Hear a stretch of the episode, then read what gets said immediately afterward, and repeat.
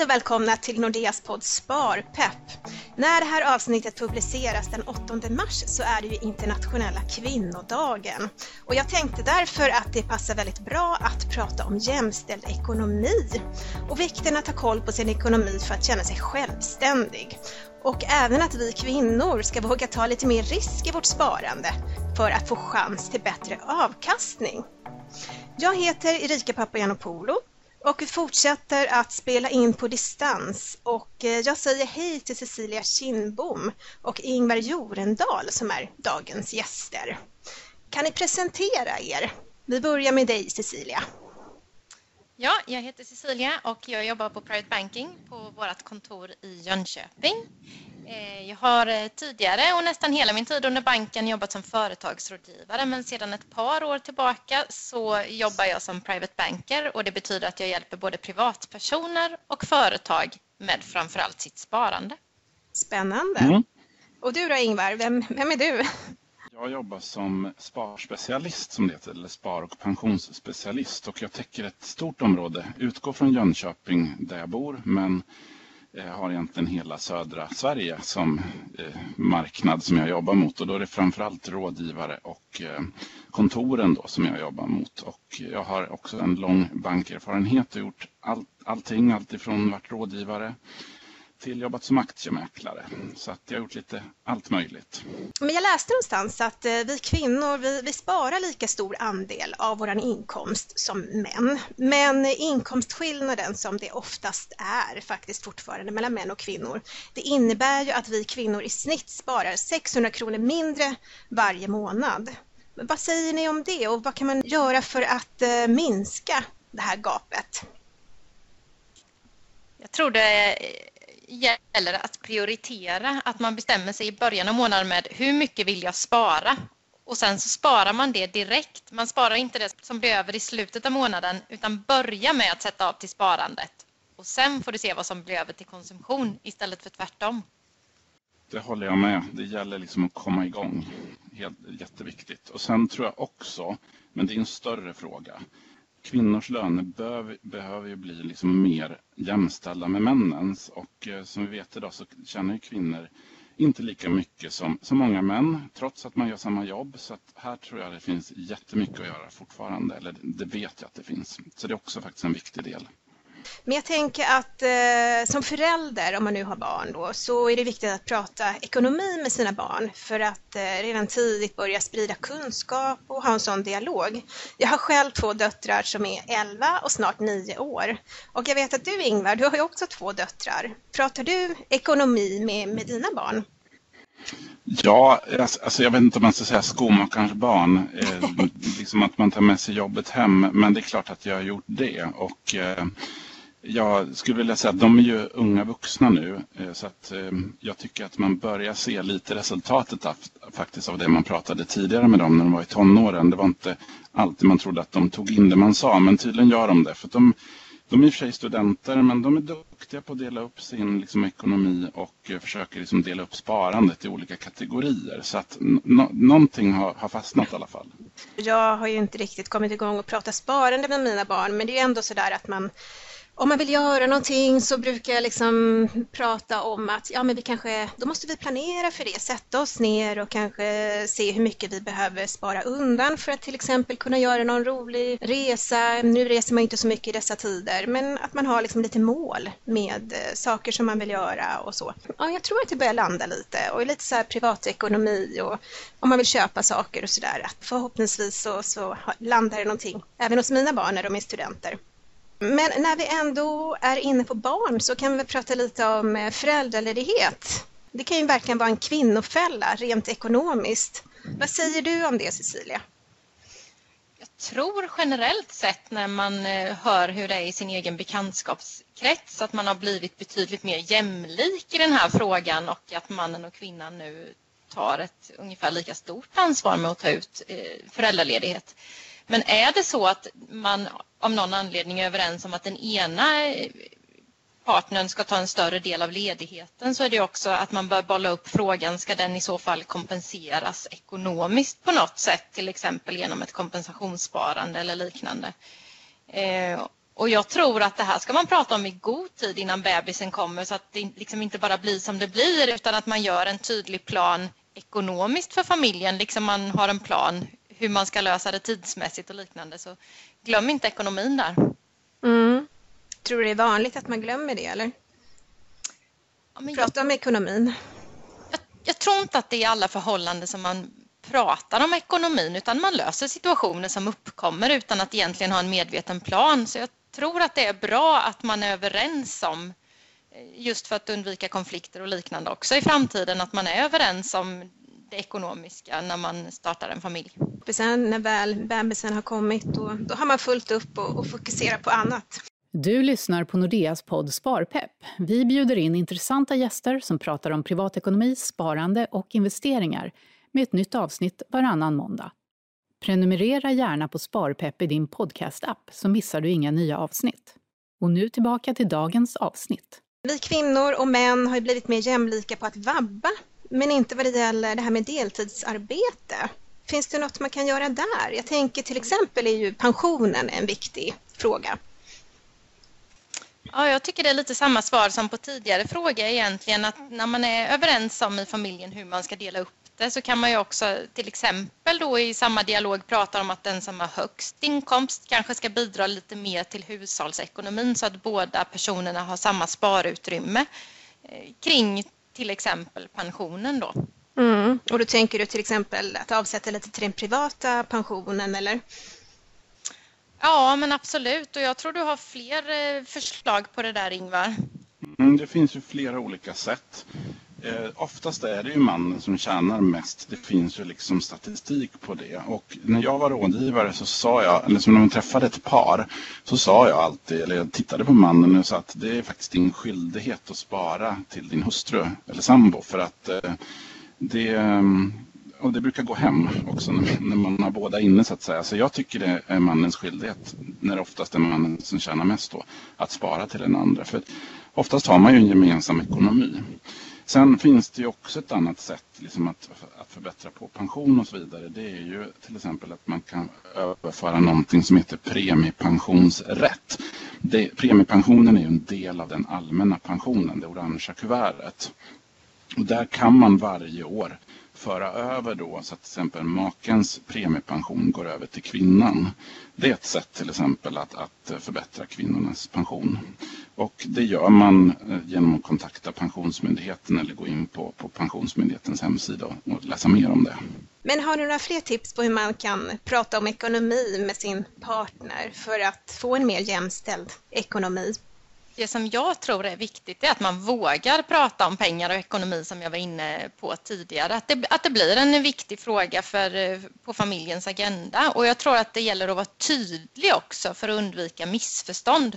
Jag tror att en uppgörelse som man kanske gör i början av sitt förhållande innan bebis nummer ett kommer och sen kanske det blir både två, tre och fyra eh, bebisar efter det jag tror att det är viktigt att man håller frågan levande och att man ställer sig frågan till sin partner emellanåt, vad är det värt för familjen att jag till exempel går ner i tid för att lösa mycket praktiska saker?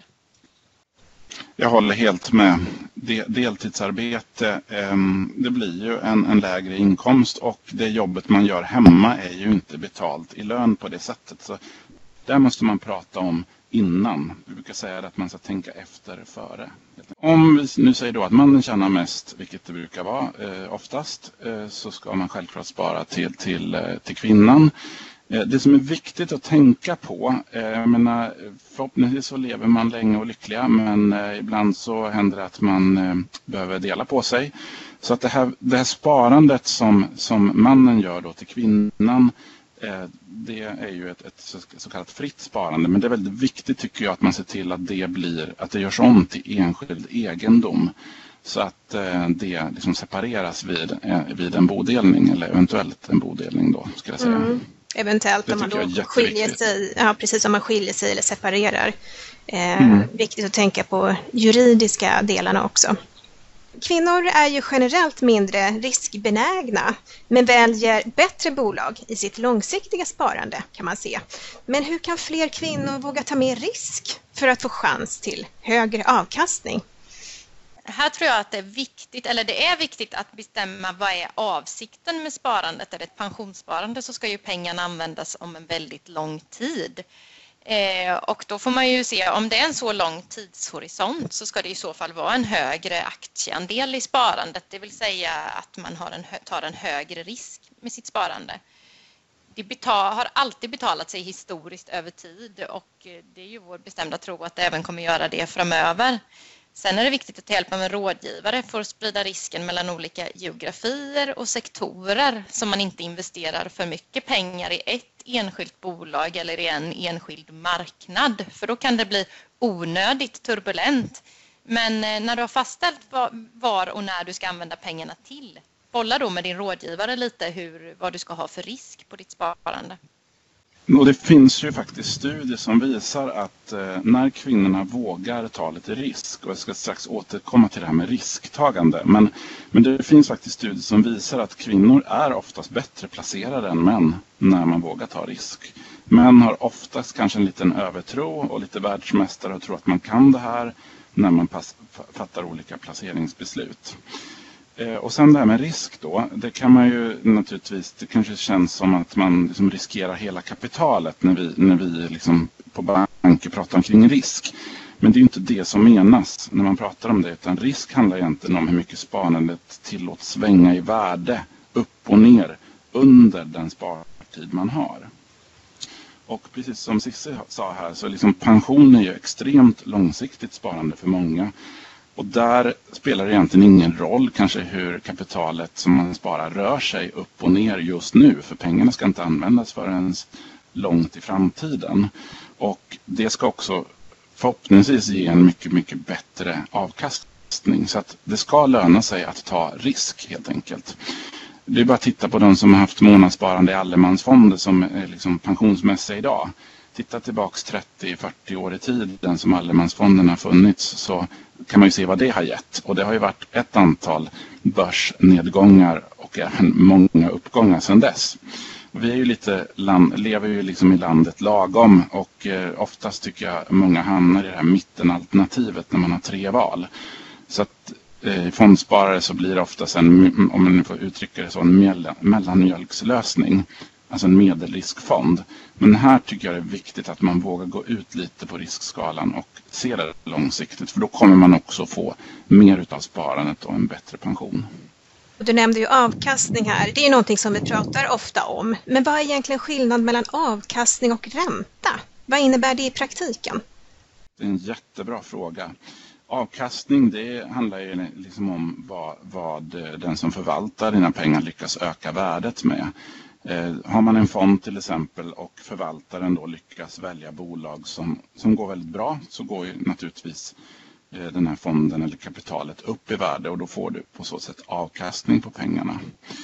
Ehm, Medan ehm, Eh, ränta då till exempel på ett konto, det är ju mer förutbestämt att eh, du får den här och den här ränta på konto när du har pengarna på ett bankkonto. Men idag är ju räntan i princip obefintlig så att det är ju inte riktigt som förr. Så att ränta är lite mer förutbestämt, avkastning är inte förutbestämt vad det blir exakt. Den kan skilja sig år till år.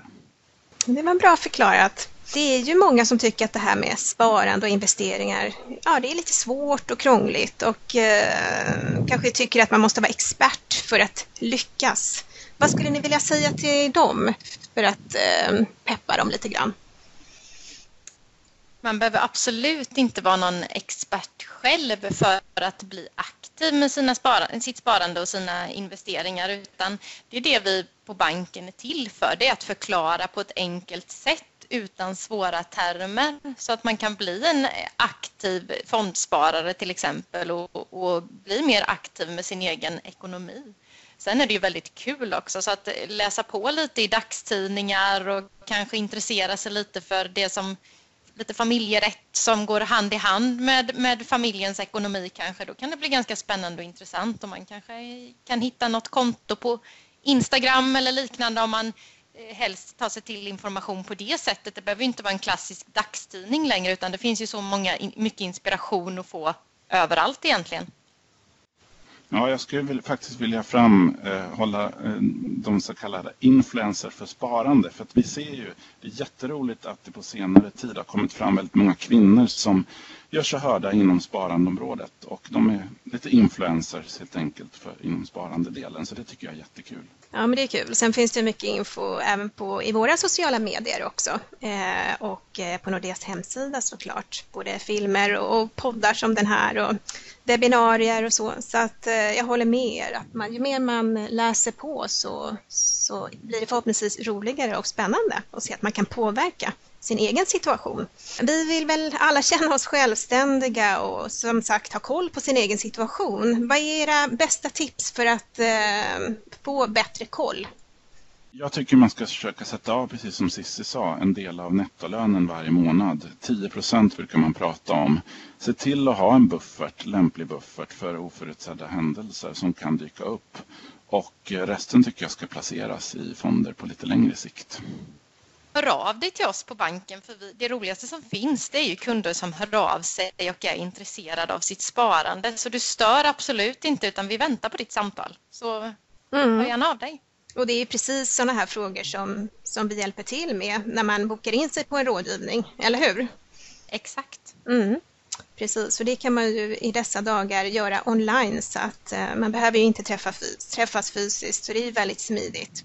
Väldigt intressanta diskussioner så vi skulle kunna fortsätta länge tror jag men det börjar faktiskt bli dags att runda av. Är det någonting som ni sammanfattningsvis skulle vilja skicka med till lyssnarna? Jag tror det här med att våga prata om ekonomi, att man förekommer egentligen händelser som sker i familjelivet prata om hur ni vill att familjens ekonomi ska fördelas. Kanske inte i samband med barnafödandet utan kanske innan dess när man blir sambo den dagen. Så det är väl alldeles ypperligt tillfälle att göra upp hur hushållets in intäkter ska fördelas. Och det gäller ju såklart även om man inte har barn utan om man lever i en relation eller om man är mm. själv så, så är det väl också viktigt att, att, att sätta sig in i hur saker och ting fungerar. Vad skulle du vilja säga Ingvar? Nej, men det, det som vi har sagt innan, det gäller att komma igång här och nu om man inte har gjort det. Och eh, ta ansvar för din ekonomi och lägg lite tid på att sätta dig in i den. Det är liksom välinvesterade pengar. Eh, och eh, prata med banken också självklart och få råd och stöd i hur du ska tänka. Ju, eh, vi finns ju till för er kunder så att eh, det tycker jag absolut. Man har igen eh, allting man gör eh, långsiktigt om man tar tag i det nu. Det låter som en väldigt bra avslutning. Då säger jag tack Cecilia och Ingvar för att ni ville vara med i Sparpepp idag. Tack! Mm. Tack, tack! och tack till er som har lyssnat. Eh, jag tänkte även tipsa om avsnitt 90 där vi har Nordeas familjerättsjurist Caroline Törnqvist och privatekonom Ingela Gabrielsson. Eh, där vi pratar faktiskt lite mer om vad som gäller för sparandet, pensionen och privatekonomin vid en eventuell skilsmässa eller separation. Vad är egentligen skillnaden mellan att vara gift eller sambo? Så det kan ni lyssna in er på. Ha det fint och vi hörs om två veckor igen. Har du förslag på intressanta ämnen eller gäster? Mejla oss gärna på sparpepp.nordea.se. Du har lyssnat på Nordeas podd Sparpepp, podden för dig som vill lära dig mer om privatekonomi, sparande och investeringar.